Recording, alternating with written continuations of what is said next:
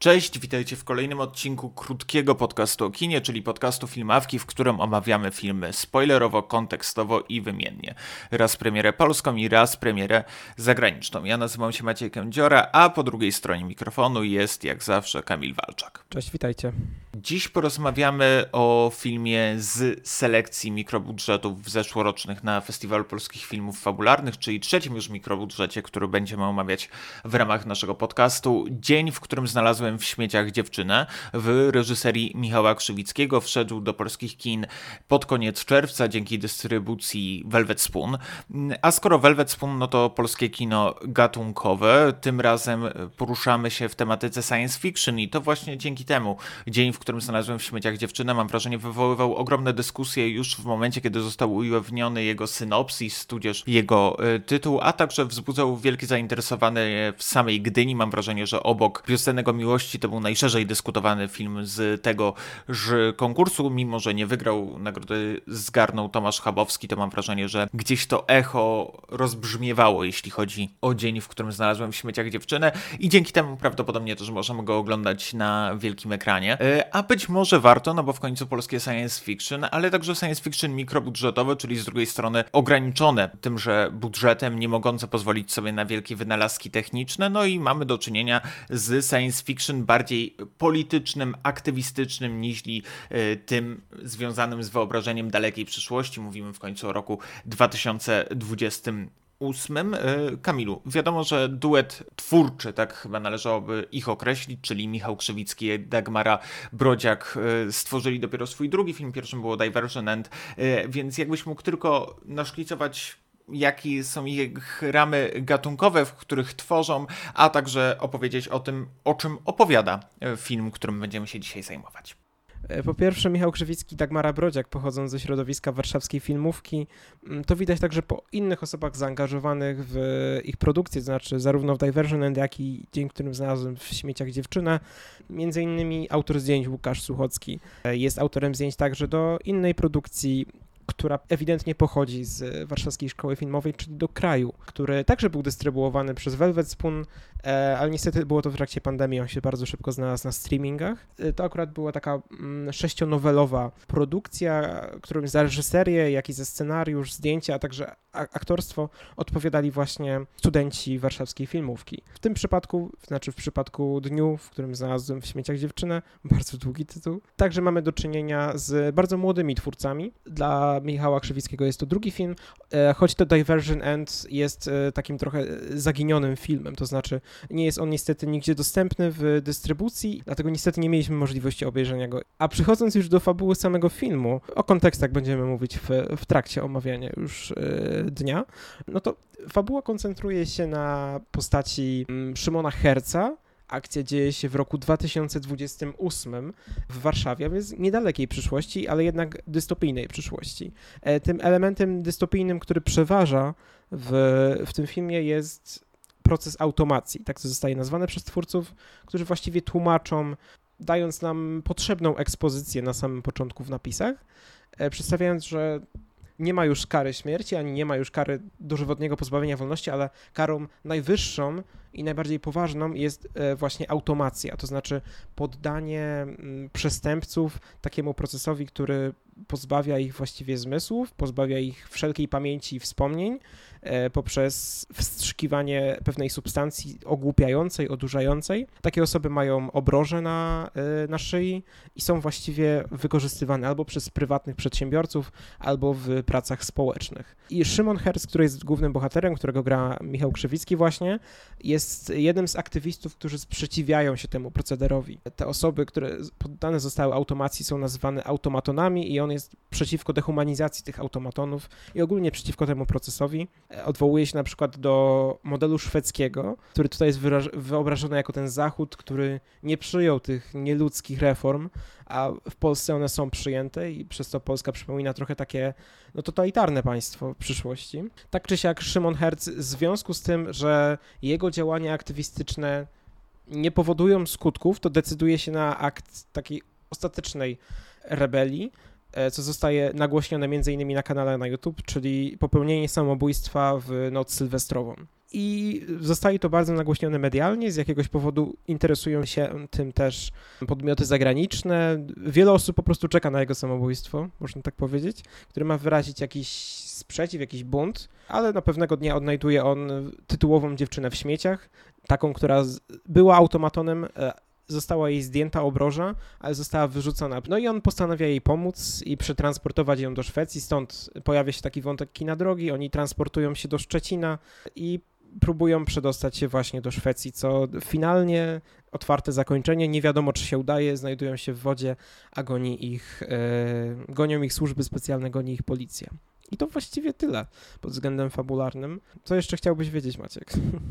Ja tylko dodałbym, że po drodze pojawia się także najlepsza część filmu, czyli Marek Kalita, który powraca jako ojciec. To zresztą była taka wyjątkowa Gdynia, bo ilość ról ojca Marka Kality na jednej Gdyni naprawdę przerosła e, najśmielsze oczekiwania, bo w Hiacyncie w innych ludziach, e, dodajmy do tego jeszcze rolę w lokatorce i zbiera nam się cały archipelag ról Marka Kality w tym, w tym jednym roku, w takich bardzo charakterystycznych drugich planach. Mam wrażenie, że w dniu zresztą jest takim trochę zaakcentowaniem innego świata. Y, oczywiście te kino drogi, o którym wspomniałeś, jest bardzo intrygujące i mam wrażenie jest bardzo ciekawym rozwiązaniem ułatwiającym przykrycie budżetu, tak? Czyli y, ta Warszawa wygląda całkowicie inaczej niż te peryferia Warszawy, jeśli można byłoby tak określić, bo tam mamy taką dystopijną metropolię, która jest bardzo neonowa, przynajmniej mam wrażenie wywodzona z tego kina neonowego,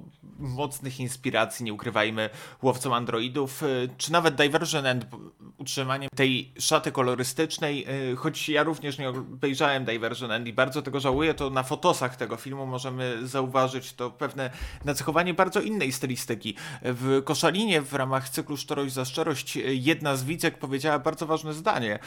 Dzień, w którym znalazłem w śmieciach dziewczynę powoduje, że w polskim kinie przywracane są kolory i faktycznie bardzo rzadko polskie kino jest kolorowe, bo przychodzi mi tylko na myśl z ostatniego roku Najmro, Kocha Kradnie szanuje Mateusza Rakowicza, który również kolorami się bawił i faktycznie mamy takie naznaczenie wywodzone z kina neonowego, Deniego Villeneuve i jego Łowca Androidów, jego Blade Runnera, tudzież z Nikolasa Windinga Refna i mam wrażenie, że to właśnie te kody stylistyczne są gdzieś bliskie Michałowi Krzywickiemu, y, gdy dobiera szatę kolorystyczną swoich filmów, gdy chce operować w tym, w tym kluczu właśnie.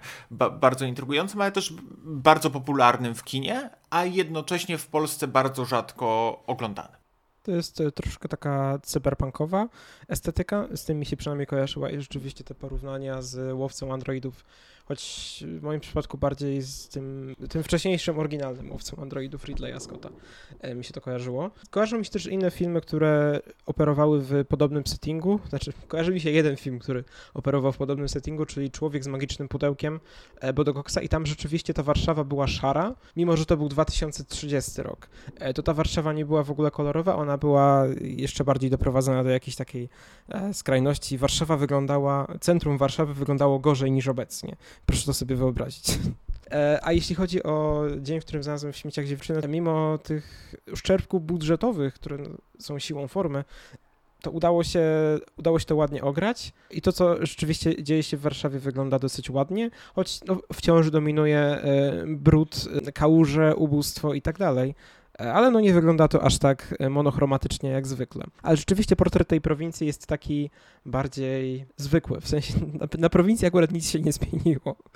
E, trochę tak to wygląda w tym filmie, co jest dosyć prawdopodobne jest takim chyba trochę typowym przedstawieniem. Choć zwykle właśnie w filmach sci-fi nie przedstawia się tej prowincji, tylko przedstawia się tę wielką metropolię, która niczym korusant w Gwiezdnych Wojnach rozrasta się na całą planetę. A tutaj mamy trochę tak, portret takiej prowincji, a właściwie nawet wsi i dróg, które są trochę zastane w formalinie, w takim skansenie, gdzie nic się nie zmienia, ale na szczęście nie, nie, nie przechodzi to w jakiś mocny stereotyp czy krzywdzące porównania, jak na przykład w ostatnim serialu, który pojawił się na Netflixie, Królowa. E, ale przechodząc już dalej, e, nie, nie, nie, nie wypuklając tych wątków, to, to, to oddam tobie Maćku głos i, i, zapytam cię, jak ty czytałeś to kino drogi, które zwykle ono się kojarzy z jakąś przemianą, która ma zajść w bohaterach, ale wydaje się, że tutaj bohaterowie akurat nie zmieniają się, tylko zostają przy swoich stanowiskach, a bardziej to polega na tym, że bohaterka która odzyskuje po części zmysł i odzyskuje kontakt ze światem, no, zaczyna albo uczy się być człowiekiem. Mam wrażenie, że oni oboje uczą się bycia człowiekiem na nowo, tak? Bo, bo główny bohater, protagonista, który oczywiście decyduje się na pewien statement polityczny, który ma być odebraniem sobie życia, ale mam wrażenie, że ten, ten statement i ta próba odebrania sobie życia jest bardziej mu w pewnym momencie nakładana, niż on sam chce tego dokonać. Przynajmniej ja tak trochę czytałbym ten początek filmu, gdzie, gdzie wszystkie te media, e, wszyscy jego współpracownicy, znajomi zaczynają wywierać na nim coraz większą presję, a my tak naprawdę, ja przynajmniej nie byłem przekonany, czy, czy on faktycznie chce tego dokonać. A kino drogi ukazało się jak zawsze, mam jednak wrażenie. Oczywiście może nie tyle zmianą, co wzajemną nauką. Tak jak każdy film, gdzie obserwujemy dwójkę głównych bohaterów, w tym przypadku bohaterkę i bohatera, uczenie się bycia lepszym, tak? On uczy się bliskości, empatii, albo przynajmniej odkrywa ją ponownie, a ona odkrywa ponownie znaczenie bycia właśnie człowiekiem, jak już wspomniałeś, egzystencji. Oczywiście pojawiają się też nam wątki transhumanistyczne, y, czyli właśnie takie odbieranie komuś tożsamości, y, co to znaczy w ogóle być człowiekiem, co to znaczy egzystować w danym momencie. Pojawiają się takie tropy, które teraz odsyłają mnie również do filmu, który wywołał na mnie ogromne wrażenie, czyli o Yang, o którym będziemy rozmawiać w najbliższych odcinkach Kogonady, gdzie również ten temat tego, czym są zmysły, czym są wspomnienia, jak ważne są wspomnienia do kreowania naszej świadomości, jest, jest najistotniejszym, stoi w rdzeniu filmu Kogonady i mam wrażenie, że stoi również w rdzeniu filmu Dzień, w którym znalazłem w śmieciach dziewczynę. Zresztą sam punkt wyjścia, skąd się wziął ten pomysł, jak wspominała Dagmara Brociak w rozmowie Szczerość za szczerość na festiwal Młodzi Film w Koszalinie.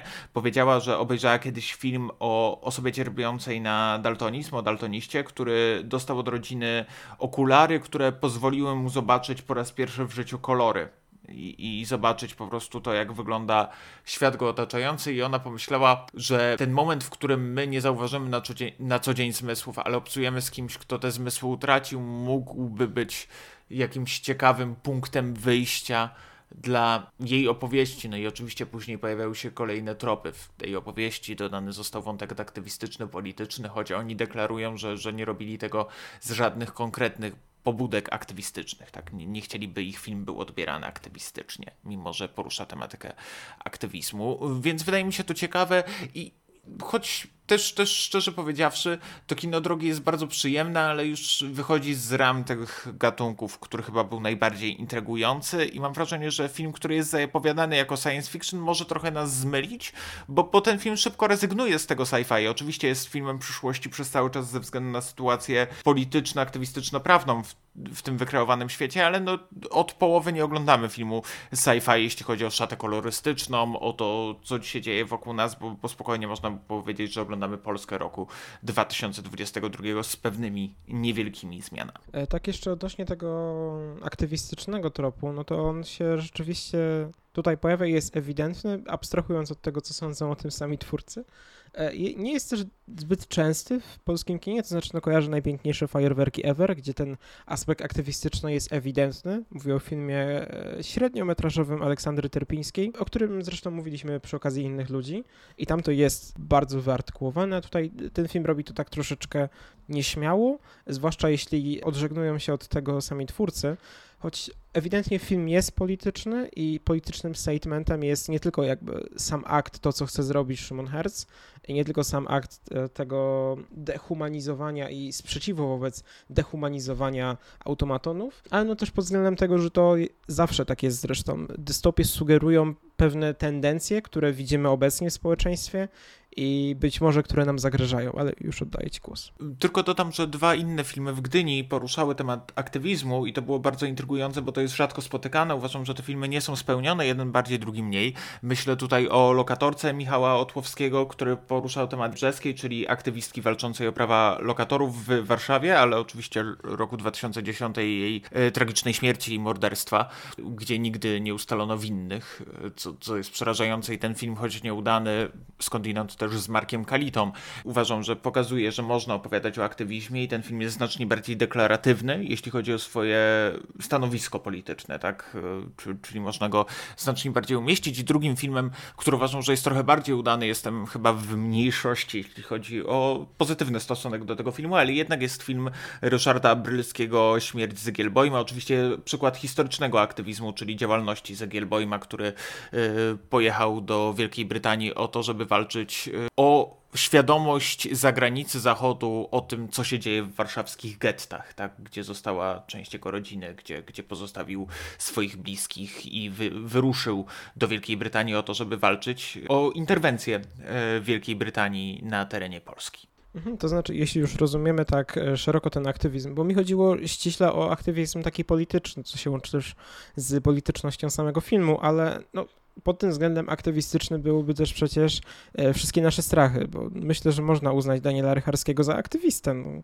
E, I wydźwięk tego filmu jest też troszeczkę aktywistyczny, ale okej, okay, jakby rozumiem to, co mówisz, rzeczywiście e, lokatorka ma takie akcenty, no, zwłaszcza ze względu na polityczność sprawy Jolanty Brzeskiej. Też należy pamiętać, że historycznie aktywizm polityczny polegający na odebraniu sobie życia nie jest obcy w Polsce, tak? No, słynna sprawa Ryszarda Siwca, który spalił się na stadionie dziesięciolecia, co zresztą też wiąże się z jednym z najwybitniejszych dokonań w historii polskiego dokumentu, czyli z dokumentem Usłyszcie mój krzyk, więc to też nie jest oderwane od rzeczywistości, tak, ta, ta, ta forma aktywizmu politycznego, ta forma próby, której chce dokonać Szymon, e, również w kontekście polskim, więc wydaje mi się, że to też jest taki kontekst, być może gdzieś jakaś inspiracja również dla Michała Krzewickiego i Mary Brodziak przy, przy określaniu pozycji politycznej Szymona, chociażby właśnie sprawa Ryszarda Siwca. Wydaje mi się, że inspiracją mogło być też to samo spalenie z października 2017 roku przez anonimowego człowieka, e, oczywiście to tak w cudzysłowie anonimowego człowieka, bo tak się podpisywał, pod Pałacem Kultury i Nauki w Warszawie. I wydaje mi się, że to też mogła być inspiracja, bo to jest nawet bardziej a aktualna kwestia i politycznie chyba nawet bliższa temu, co reprezentują Krzywicki i Brodziak, ale nie wchodząc już w to, myślę, że możemy przejść e, kapkę dalej. Ja bym jeszcze się zatrzymał przy tym kinie drogi, e, dlatego, że tam pojawia się parę wątków. E, do Marka Kality przejdę zaraz, bo jak, jak zwykle to jest jeden z ciekawszych elementów tego filmu. Ale pojawia się też wątek, moim zdaniem, świadczący o takim ubogim symbolizmie tego filmu, kiedy Dagmara Brodziak, postać Dagmary Brodziak, która zostaje przyzwana w tym filmie Blue, bierze kurę i z tą kurą podróżują na motocyklu. No i symbolizm jest e, w tym sensie oczywisty, że i, i taki trochę niezręczny do opowiadania, bo to jest takie no, proste, trochę dziecinne, że ta kura ma symbolizować jakąś mm, wrażliwość jej, e, jakieś jej nowe doznania i też tę prostotę, to życie, które ona próbuje odzyskać mi się wydawało to po prostu bardzo absurdalne i niepotrzebne, w sensie nie wiem, czy było to komfortowe dla tej kury. Nie wydaje mi się, żeby takie wykorzystywanie zwierząt w filmach było ok.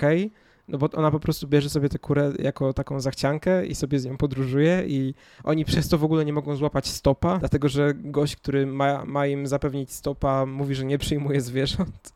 Nie wiem, dla mnie to jest strasznie niepotrzebne i takie pretekstowe. W ogóle ja tylko dodam, że strasznie mi się burzy dystopia w tym kinie drogi, o tej kurze trochę, y, ale też o tym stopie, o tym, co się w ogóle wydarza po wyjeździe z metropolii. Z jednej strony możemy powiedzieć, zrzucić, że na prowincji te reformy, te rewolucje nie dotarły. Okej, okay byłoby to w pełni zrozumiałe, jakby tak. Ale mam, mam wrażenie, albo nawet nie tyle zrozumiałe, co, co byłoby jakimś tak okej okay wyjściem narracyjnym, o tak bym to ujął, i budżetowym.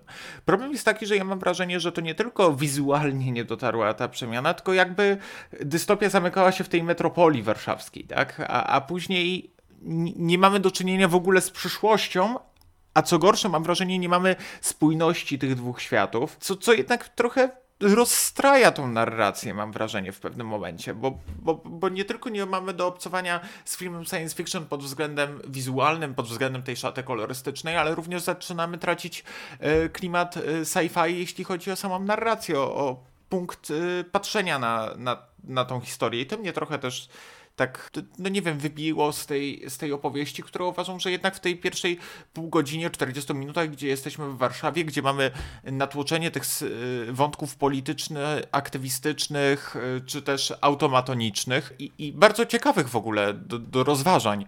Y, mam wrażenie, że te pierwsze 40 minut jest takie wręcz iście szulkinowskie momentami, co jest wielką, wielką zaletą polskiego kina science fiction. To, to jednak to wytraca I, i być może gdyby ten budżet byłby większy, być może gdyby mieli dwukrotność tego budżetu, yy, oczywiście pewnie nie mogliby zrealizować debiutów w mikrobudżetach i pojawiłby się problem z czekaniem na debiut. To, to są kolejne kwestie, które wynikają z realiów tworzenia polskiej produkcji filmowej, dlatego też tak mało science fiction w Polsce powstaje, no bo wymagają dużych nakładów finansowych. No, no ale gdzieś niestety mimo wszystko chciałbym bronić to wszystko uzasadnieniami budżetowymi, ale chyba nie potrafię do końca tych decyzji z tą tematyką wiejską do momentu Marka Kality. Tak, a odnośnie wątku Marka Kality, to znaczy, ja nie wiem, szczerze mówiąc, ja nie wiem, czy ty Maciek e, mówisz to na poważnie, czy ironicznie, ale no moim zdaniem to był jeden też z gorszych momentów tego filmu, bo Marek Kalita gra, Marka Kalita, to znaczy gra to samo co zawsze, czyli strasznie wkurzonego ojca na to, że syn go nigdy nie odwiedza, że się odłączył od rodziny i Marek Kalita właściwie okazuje się zdrajcą, to znaczy on informuje policję i służby o tym, że tutaj jest ten zbiegły automaton i kurczę, no nie ma pojednania między ojcem a synem tak naprawdę.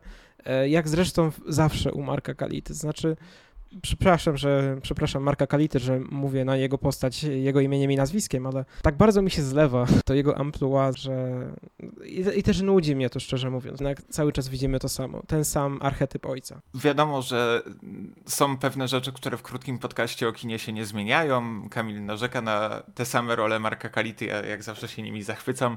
Jak to y, powiedział jeden z naszych wspólnych, bliskich znajomych, kiedy pojawia się Marek Kalita, ten film ożywa na nowo, ja się z tym zgadzam. Ja uważam, że Marek Kalita generalnie mógłby e, zagrać wreszcie pierwszoplanową rolę i, i zgarnąć wszystko. Więc ja się zgadzam, że ja bym chciał zobaczyć Marka Kalita w innym MWA, ale głównie dlatego, że liczę, że wtedy byłby wreszcie doceniony tak, jak na to zasłużył. Uważam, że to jest kolejna bardzo dobra rola Marka Kality. Jest fakt faktem za mała, ale ten wątek ojcowski jakoś przywraca ten film, przynajmniej w mojej opinii, minimalnie na właściwsze tory.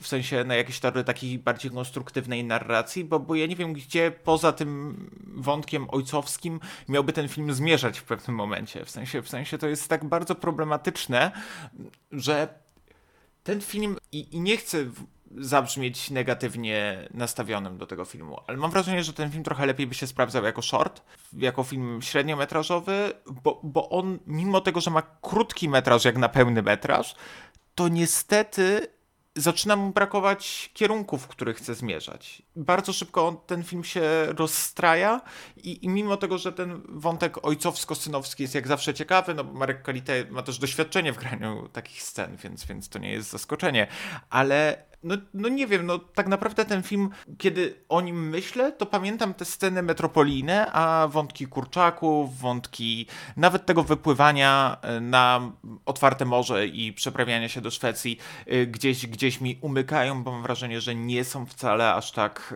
e, ważne, albo przynajmniej ze mną aż tak bardzo nie resonowały. I w ogóle ta, mm, ta nauka, jak to nazywałeś, czy zmiana, która zachodzi w Szymonie, moim zdaniem też jakoś mi przynajmniej umknęła. To znaczy, w pewnym momencie jakby spotykamy go w punkcie wyjścia jako człowieka kompletnie zrezygnowanego, któremu na niczym nie zależy, a pod koniec widzimy człowieka, który jest gotowy poświęcić się dla tej jednej dziewczyny e, i odkrywa jakby sens swojego życia, że może nie warto popełnić samobójstwo. Poza tym, że jakby samo to samobójstwo jest problematyczne, nie dlatego, że jakby trigger warning i że no, pojawia się temat samobójstwa, a dlatego, że E, on już podpisał pewne dokumenty, które mają przekazywać jego organy dla poszczególnych osób i po prostu te osoby czekają, aż on popełni to samobójstwo. I, i to jest taki bardzo problematyczny wątek moralny, który byłby ciekawy, gdyby go rozwinąć, ale no ten film decyduje się na pójście w stronę relacji ojciec-syn e, i trochę zarzucenia tego no, tego właśnie wątku trochę aktywistycznego też. Różne były pomysły na zakończenie. Michał Krzywicki chciał, żeby główna bohaterka zginęła. Pod koniec Dagmara Brodzia chciała, żeby pojawił się na ekranie niebieski motyl i żeby to było zakończenie, jak ona powiedziała, disneyowskie.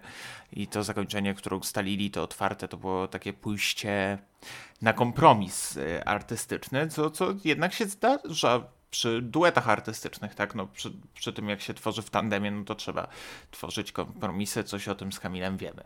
E, ja bym jeszcze poruszył wątek, znowu, ja bym wrócił do tego aktywizmu, bo jednak on mnie cały czas zastanawia. Czy nie wydaje ci się dziwne, że w Polsce 2028, ogólnie w świecie 2028, kogoś obchodzi taki aktywista? Bo z jakiegoś powodu jest strasznie duży baz wokół tego, że on ma popełnić to samobójstwo w sylwestrową noc. Mówią o tym wszystkie media. Z jakiegoś powodu on jest celebrytą, choć nie wiemy, co wcześniej robił do końca. E, no i on mówi, że ten jego filmik, w którym on podaje swoje motywacje, ma ponad 100 milionów wyświetleń na YouTubie, to jest strasznie dużo. Nawet jeśli populacja byłaby ciutkę większa niż teraz, no to wydaje mi się to strasznie abstrakcyjne i to już chodzi o to, że w momencie wyjścia już e, ta fabuła jest niewiarygodna, dlatego że ja nie wierzę w to, że kogokolwiek obchodzi taki aktywista to jest kwestia, którą chyba zawsze gdzieś trzeba zaakceptować w filmach science fiction. E, oczywiście zgadzam się, to jest nie do końca realny, nawet y, no, żaden influencing aktywistyczny, zwłaszcza w Polsce, nie, był, nie miałby szans stać się aż tak popularny.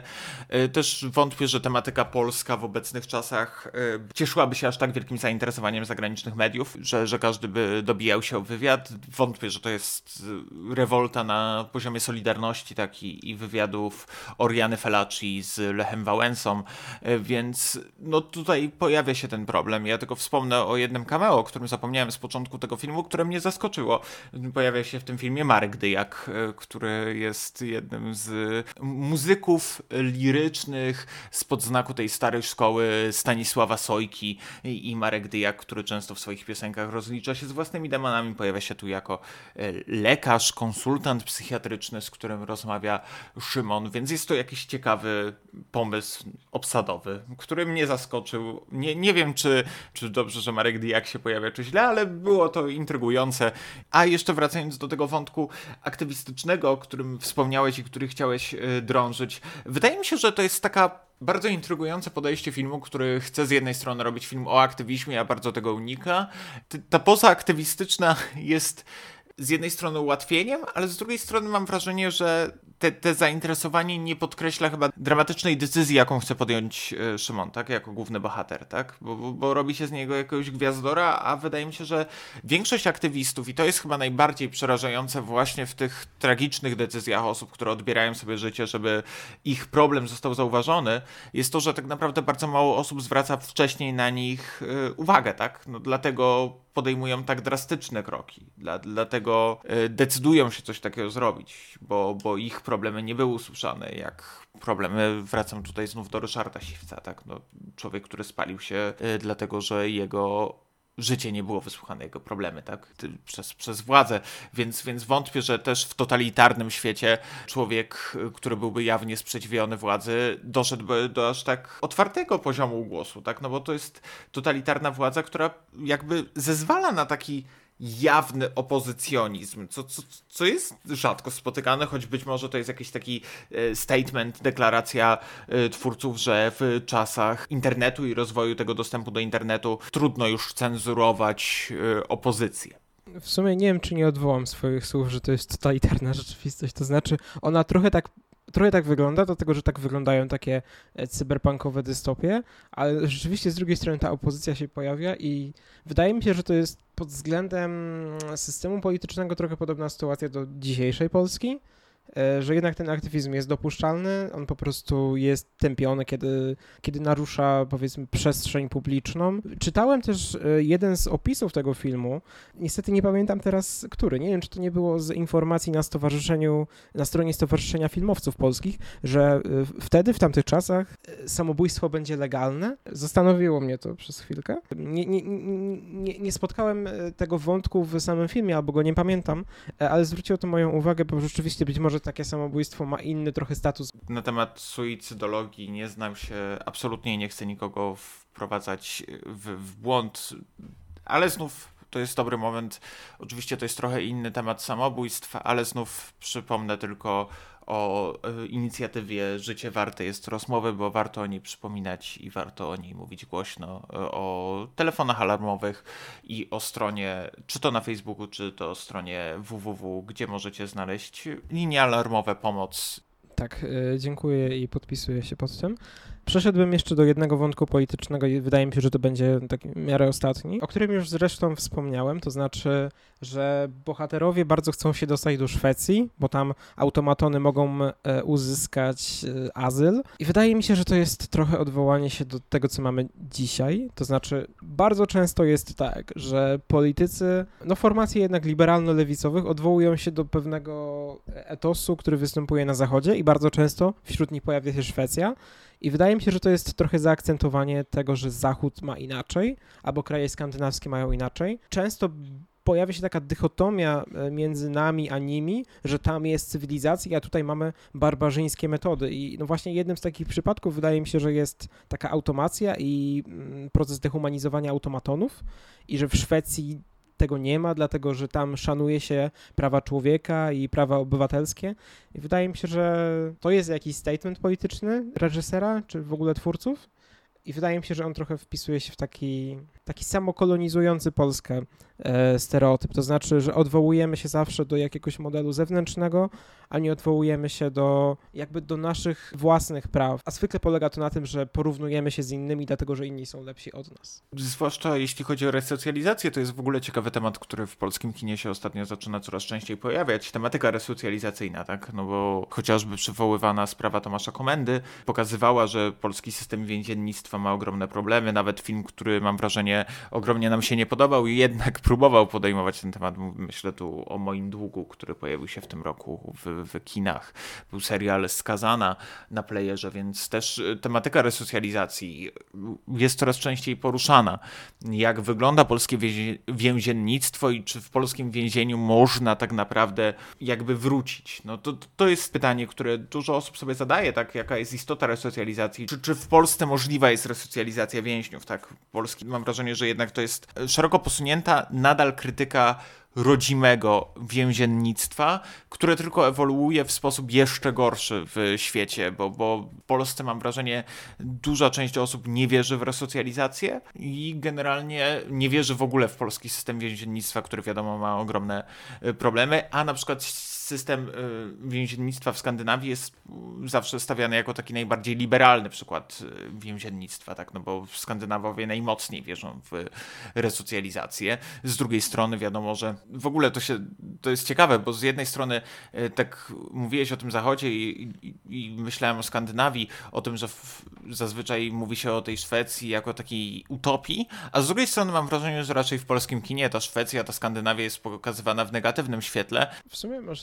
może to wynika po prostu z tego, jak postrzegane są kraje nordyckie w mojej bańce. W sensie one zawsze są uznawane za wzór i jak słucham też retoryki polityków lewicowych, to, to bardzo często pojawia się model duński, model szwedzki, model norweski jako pewne wzory. No poza tym, że no, kraje nordyckie czy skandynawskie, zależy jak, które kraje chcemy objąć przez te kategorie, no to są uznawane za pewne modele wzrostu gospodarczego czy stanu praw człowieka i obywatela. Wydaje mi się, że to jest coś, co może nie zachodzi tak bardzo w polskim polskim kinie, ale zachodzi w przestrzeni publicznej.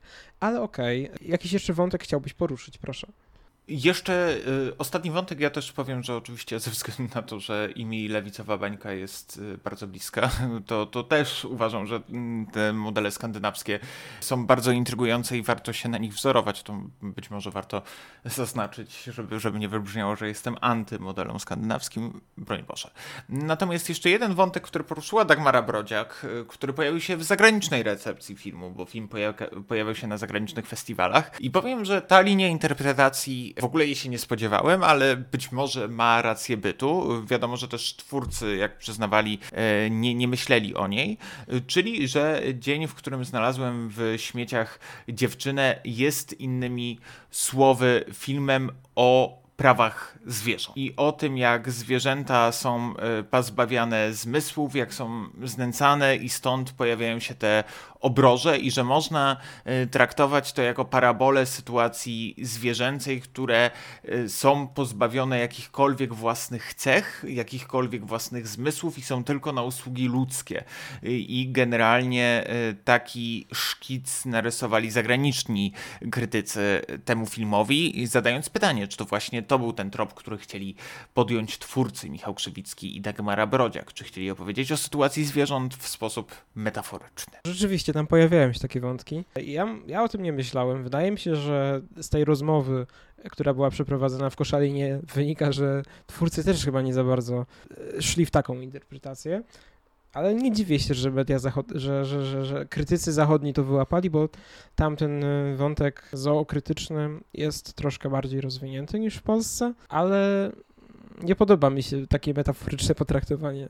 To znaczy, ewidentnie ten film jest o ludziach i o tym, żeby traktować ludzi jako ludzi i rzeczywiście bliżej mu, wydaje mi się, do tej krytyki systemu resocjalizacyjnego i pewnych tendencji, które zachodzą, jakby braku wiary też w ten proces, niż do kwestii traktowania zwierząt. Wydaje mi się, że są inne filmy, które lepiej to traktują, na przykład stawiając zwierzęta jako bohaterów rzeczywistych, podmioty, a nie metaforyzowanie ludzi przez jakby antropomorfizację zwierząt. Nie wiem, wydaje mi się, że to jest yy, naciągana metafora. I lepiej się sprawdzają te metafory, które mówią o prawach zwierząt, które rzeczywiście jakby przedstawiają te zwierzęta jako pewne jednostki wyemancypowane, jak, jak choćby w tych filmach, które pojawiły się w tym roku, a dopiero się pojawią, nie wiem, i o Jerzego Skolimowskiego, Krowa Andrzej Arnold. Wydaje mi się, że to nie ten trop, w sensie te filmy nie powinny tak wyglądać, że metaforyzowane są zwierzęta przez człowieka. Y, tak, ja też nie do końca podążałbym tym tropem, ale uważam, że jest na tyle ciekawy i intrygujący, że warto było o nim wspomnieć,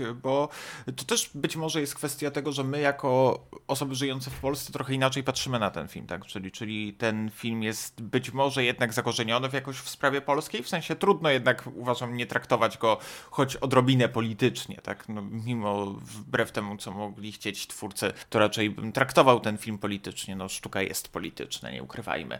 A być może w kontekście zagranicznym to właśnie te konteksty interpretacyjno-metaforyczne, które często przecież w science fiction się pojawiają, tak? I, I przywykliśmy już do tego, żeby interpretować science fiction poprzez jakąś metaforę, czy to Łowca Androidów Ridleya Scotta, czy to Blade Runnera Denigo Villeni, więc nie powinno nas to dziwić. Zresztą literatura science fiction to też e, mnóstwo metafor, które e, odczytuje się na różnych forach, czy, czy, czy innych miejscach, redditach i innych miejscach poświęconych tej sztuce. E, dobrze, przejdźmy powoli do podsumowania. Poproszę Ciebie, Kamilu, o ocenę krytyczną, jak to zwykliśmy nazywać, i ocenę cyfrową, numeryczną. Ja zacznę od oceny. Moja ocena to będzie 4 na 10. No niestety wydaje mi się, że ten film powinien iść w inną stronę i powinien zrobić bardziej ewidentny statement polityczny. Po prostu chciałbym, żeby on tego statementu się nie bał i żeby wybrzmiał bardziej społecznie, niż on jednak jest trochę rozwodniony przez tę metaforę humanistyczną. Po prostu powiedzieć coś konkretnie. Ale no nie będę się kłócił z tym, że ten film dobrze wygląda, przynajmniej te sekwencje metropolitarno-warszawskie. No i że nawet fajnie się to oglądało, mimo, mimo tych wszystkich mm, takich nawet cringe'ujących scen w drugiej, drugiej połowie filmu, to, to jest dosyć solidne kino i nawet polecam. Mimo tej oceny to polecam, bo, bo rzadko też widzi się w polskim kinie wątki czy elementy science fiction, dlatego jak najbardziej. Dla mnie natomiast ten film jest chyba trochę lepszy, w sensie ja, ja ze względu na to, że bardzo dobrze mi się go oglądało, e, mimo tych dłużyzn w kinie drogi, gdzieś uważałem, że jest coś intrygującego, a w momencie, kiedy ja i ty, Kamilu, oglądamy tak dużo polskich filmów, to oczywiście ten kontekst i trochę punkt y, odbicia naszych ocen jest trochę inny, mam wrażenie. W sensie staram się być jednoraki, jeśli chodzi o ocenianie polskiego i zagranicznego kina, ale raczej w, w, na takim tle dla, dla tego, co ostatnio widziałem w polskim kinie, uważam, że jest to bardzo intrygująca próba gatunkowa. Chyba nawet mi bliższa niż filmy Bodo Coxa, jeśli mogę być szczery, bo, bo, bo gdzieś te filmy Bodo Coxa wydają mi się zawsze przekombinowane, jeśli chodzi o te wyobrażenie przyszłości, a taka minimalistyczny mimo wszystko sposób przedstawiania tego, jak będzie wyglądać e, nasza przyszłość jest intrygujący i być może najbardziej prawdziwy, choć oczywiście w kontekście automatonów najlepiej by było, żeby tak nie było. Więc ode mnie ocena 6 na 10 i jeśli macie możliwość zobaczenia tego filmu w kinie, to uważam, że jest to tego warte, no żeby chociażby ten e, piękny obraz, jaki ten film prezentuje w sekwencjach metropolitarnych mógł lepiej wyglądać, więc zdecydowanie warto warto i fajnie, że takie kino w Polsce powstaje, bo nigdy za dużo polskiego kina gatunkowego, zwłaszcza, że zawsze jest go za mało. Tym samym dobiegliśmy końca dzisiejszego odcinka krótkiego podcastu o kinie. Mm, ja nazywam się Maciej Kędziora, po drugiej stronie mikrofonu był Kamil Walczak. Tak, dziękuję. Ja jeszcze dodam, że jeśli macie do nas jakieś zapytania, komentarze, słowa krytyki, to zapraszamy na e, adres mailowy podcast małpafilmawka.pl.